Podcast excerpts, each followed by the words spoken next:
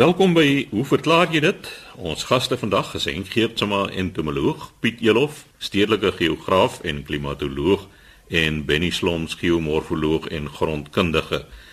Benny, jy's eerste aan die woord en jy gesels oor Eysterklip in die suidoostelike dele van Namibië.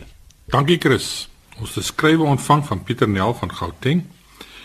En hy skryf na aanleiding van 'n reisprogram op televisie wat gehandel het oor die suidoostelike deel van Namibië. En tydens die een program het hulle daar op 'n sekere plek stil gehou waar daar baie van hierdie eysterklip soos hy dit noem voorkom. En een van die plaaslike inwoners het daar gaan staan teen hierdie stapel klippe, 'n ander kleiner klip opgetel in sy hand geneem en begin kap teen hierdie klippe. Nou as 'n mens gaan kyk na hierdie stapelrotse, dit is wat ons dit noem, dan is die onderste laag as die groot klippe, soos jy boontoe gaan, raak die klippe kleiner. En natuurlik as jy kap teen hierdie verskillende grootte van hierdie gesteentes, dan is die klank en dis so 'n metaalagtige klank wat hy voorbring. Het dit verskillende toonhoogtes. Luisteraars sal seker onthou het hulle kinderdae dan het ons glasbottels met water gevul op verskillende hoogtes en dan het jy met 'n teelepel of 'n lepel gekap teen hierdie bottels wat gevul is met water en jy verskillende toonhoogte klanke gekry en jy dit gebruik as 'n silofoon. Ongelukkig vandag my kleinkinders maak nie meer bottels vol met water en speel daarmee nie. Hulle is almal besig met hulle selfone en hierdie iPads. So hulle weet nie van die fisika van verskillende toonhoogtes nie. Nou Pieter Jy vra watter soort gesteente is hierdie eysterklippe en hoe het hulle ontstaan? Hulle lyk daarom baie besonder. Nou die antwoord is hierdie donkerkleurige rotsblokke waar jy so musiek gemaak het, dit is doleriet. Nou dit is 'n basiese of 'n mafiese stormgesteente met groot hoeveelheid yster en magnesium in sy samestelling. Nou suurstormgesteente is stormgesteente soos graniet is ligter gekleur en het 'n hoër yserinhoud en daar is ook 'n basiese verskil in hulle bultdigtheid of massadigtheid. So byvoorbeeld is doleriet heelwat swaarder as graniet. Hy het 'n gemiddelde bultdigtheid van so 2,9 2,96 terwyl graniet se bultdigtheid 2,69 is.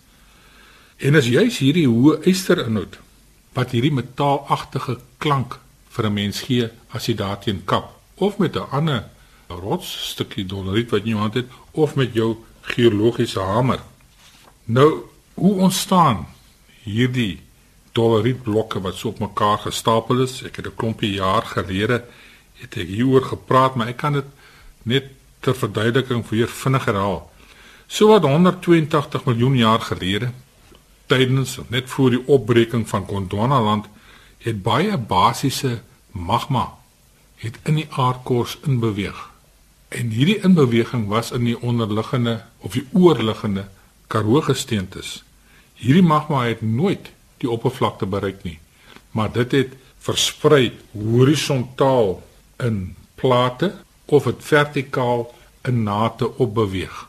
Nou daar 'n redelike tyd verloop voordat hierdie gesteentes uiteindelik aan die oppervlakte blootgestel is nadat die oorliggende goed weg verweer is deur erosie. Nou in hierdie tydperk het hierdie magma baie lank daar vloeibaar gebly en jy het genoeg tyd gehad sodat kristalle kon vorm. Nou doleriet het so medium fyn tot medium kristalgrootte. Jy kan die kristalle kan jy daar sien. In teenstelling met iets soos gabbro of graniet wat grouwe kristalle het wat net baie langer gevat het om af te koel. So, wat jy daar sien op die beeld, ek het toevallig ook hierdie program gesien, is sulke lang rye van hierdie klippe wat daar in die veld lê. Dit is die sogenaamde nate. Die boere praat van die mana ruggies in die Karoo, soos die doleriet ruggies daar af lê. Maar hierdie rotse is opgebreek.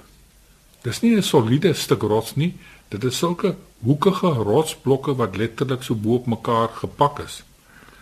Nou die genese hiervan kan 'n mens verduidelik aan die hand van die teorie van 'n geomorfoloog Linton wat dit destyds vir ons verklaar het.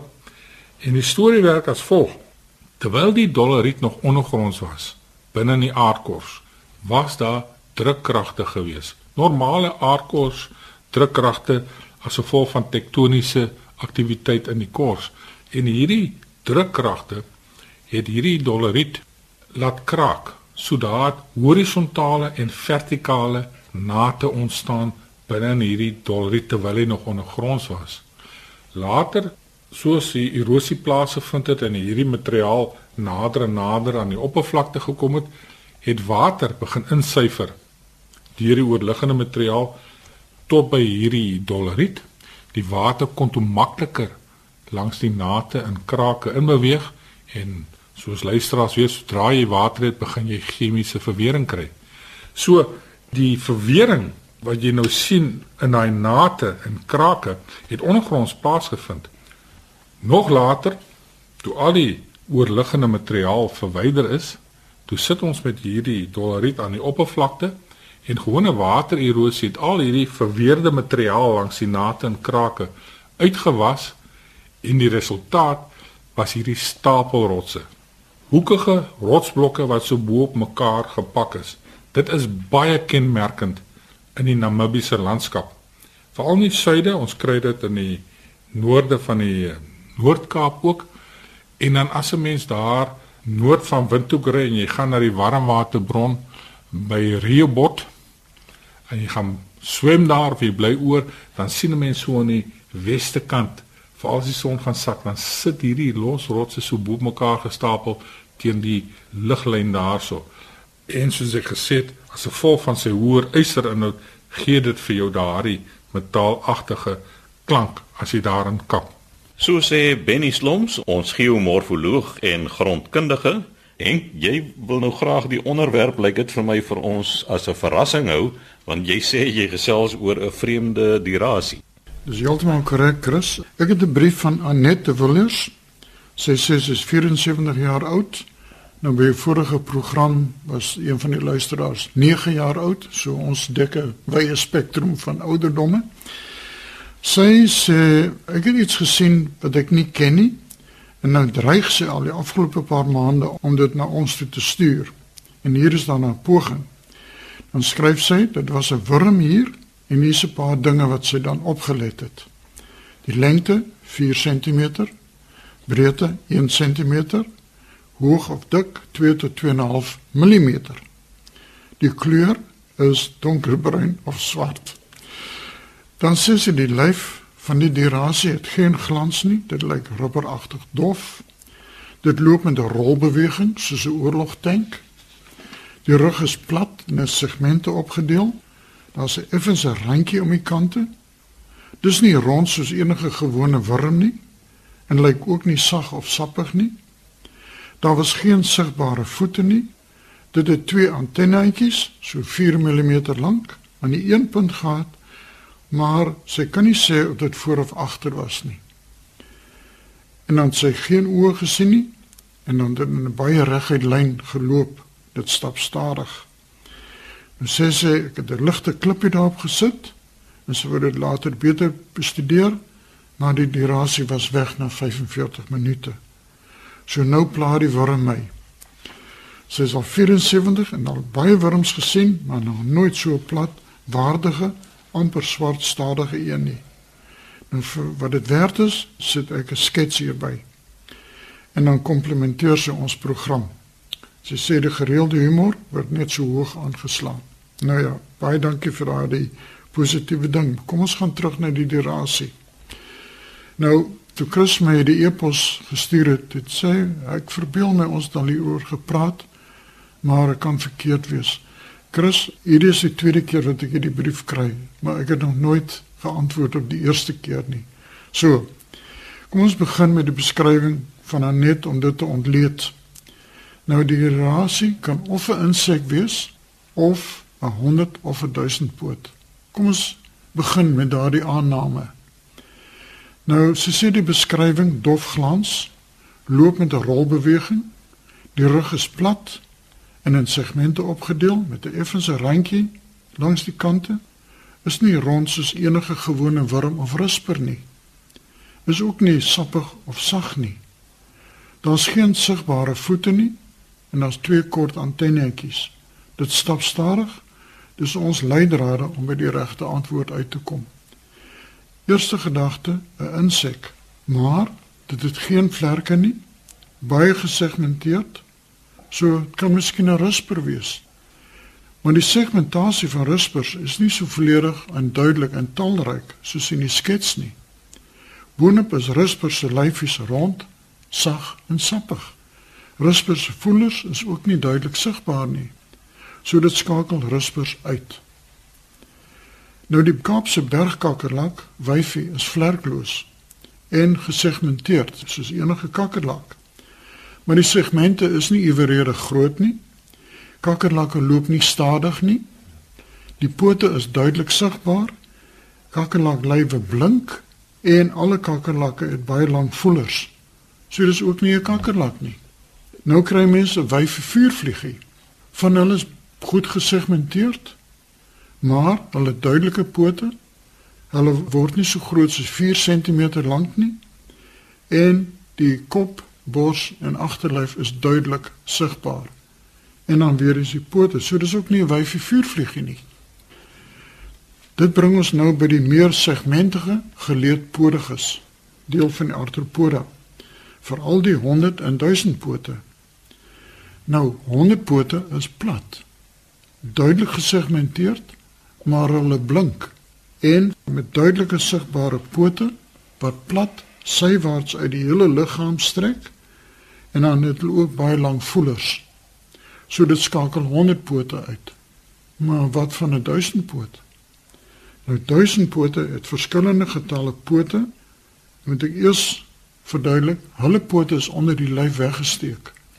Nou as 'n mens na 'n 100 poot se segment kyk, sal jy sien daar's net een paar pote per segment. Maar by die 1000 pote praat ons van dubbelsegmente wat lyk soos 'n enkele segment en elke dubbelsegment het twee paar pote. Die pote van 'n 1000 poot is onder die liggaam, nie langs die liggaam nie. So mense kan dit nie sien nie. En hulle beweeg inderdaad soos 'n oorlogstank met 'n rolbeweging. Maar nou ook het die 1000 pote kortvoelers So ons baie segmente en dan die dubbelsegmente van die 1000 pote. Die pote is baie kort, so dit steek nie langs die liggaam uit nie. Maar nou die liggaam van 1000 pote verskil. Mens kry die 1000 pote met 'n ronde lyf. Met ander woorde, as jy 'n snit maak deur die 1000 poot, dan is dit rond. Ons praat van die Shongololas, né? Ons ken almal die. Maar dan kry mens ook 1000 pote met 'n plat lyf. Die sogenaamde polydesmide duisendpote. Nou meeste jongololas se lywe blink en ook by sommige polydesmide duisendpote. Ook se anet dat die lywe effens 'n randjie het. Nou jongololas is rond sonder 'n duidelike randjie. Maar die verplatte polydesmide duisendpote het wel 'n randjie en aan die kante van die lyf. So die durasie wat Anet dus gesien het, is 'n polydesmide duisendpoot. Die beskrywing wat Anet gegee het, pas soos 'n handskoen. Terloops, die duisendpoot leef van dooie plantmateriaal en doen eintlik 'n nuttige werkies in die tuin. Dankie Anet vir 'n baie interessante vraag oor hierdie snaakse durasie. Is my eintlik net 'n soort duisendpoot. Ja, dan die speurverhaal oor die vreemde durasie deur Henk Geertsma ons entomoloog. Laaste aan die beurt vandag, Piet Elof, ons stedelike geograaf en klimatoloog. Nou Piet, 'n luisteraar sê as die aarde teen 23 grade gekantel is, hoe sou dit die seisoene beïnvloed het as dit nie teen 23 grade gekantel is nie? Dis die een vraag. En dan is daar ook 'n luisteraar wat wil weet Hoekom word plante nie deur sneeu beskadig soos wat die geval is wanneer dit ryp nie? Ja, dankie Chris. Ek het 'n kort skrywe hier gehad van Jeff Rich van Parklands af lyk dit vir my waar hy wel sê dat ons weet almal dat die aarde se as met 23 grade gekantel is en dan soos jy reg gesê het wat sou die verskil gewees het van klimate as dit nie die geval was nie. Nou Jeff, ek gaan net 'n kort antwoord vir jou hierop gee. As die aarde se as nie 23 grade gekantel was nie, sou ons waarskynlik nie en ek sê dit in aanhalingstekens seisoene gehad het nie. Met ander woorde, die verskillende dele van die aarde sou jaar in en jaar uit dieselfde hoeveelheid son ontvang het. En uh ons sou dan permanent somer of winter of herfs of lente weer gehad het soos ons dit nou ervaar afhangend van watter breedtegraad ons leef. Natuurlik sal mense se bedrywighede daarin volgens moet aanpas. Wat jy in die winter doen, moet jy heel jaar doen. Wat jy in die somer doen, moet jy heel jaar doen. So Jeff, ek dink dit is kortliks 'n antwoord wat ek jou daarop kan gee. Chris, dan is die tweede vraag het nou juist gegaan oor die kwessie van sneeu wat dan nou plante nie noodwendig beskadig soos wat ryp dit wel doen nie. Van Pierre Du Plessis van Woester af, sy vra hoekom word plante groei nie deur sneeu beskadig soos ryp plante vernietig nie. Nou uh Pierre daar is ons het al by vorige geleentheid oor ryp gepraat en uh, selfs veral in die droë binneland kan 'n mens van tyd tot tyd wat ons noem swart ryp kry en dit is veral skadelik vir plante afgesien van die gewone ryptoestande die koue wat daar heers maar wanneer daar swart ryp toestande geheers het dat jy gewoonlik nie die wit kristalle gesien nie maar 'n dag of twee later dan verwelk die plante.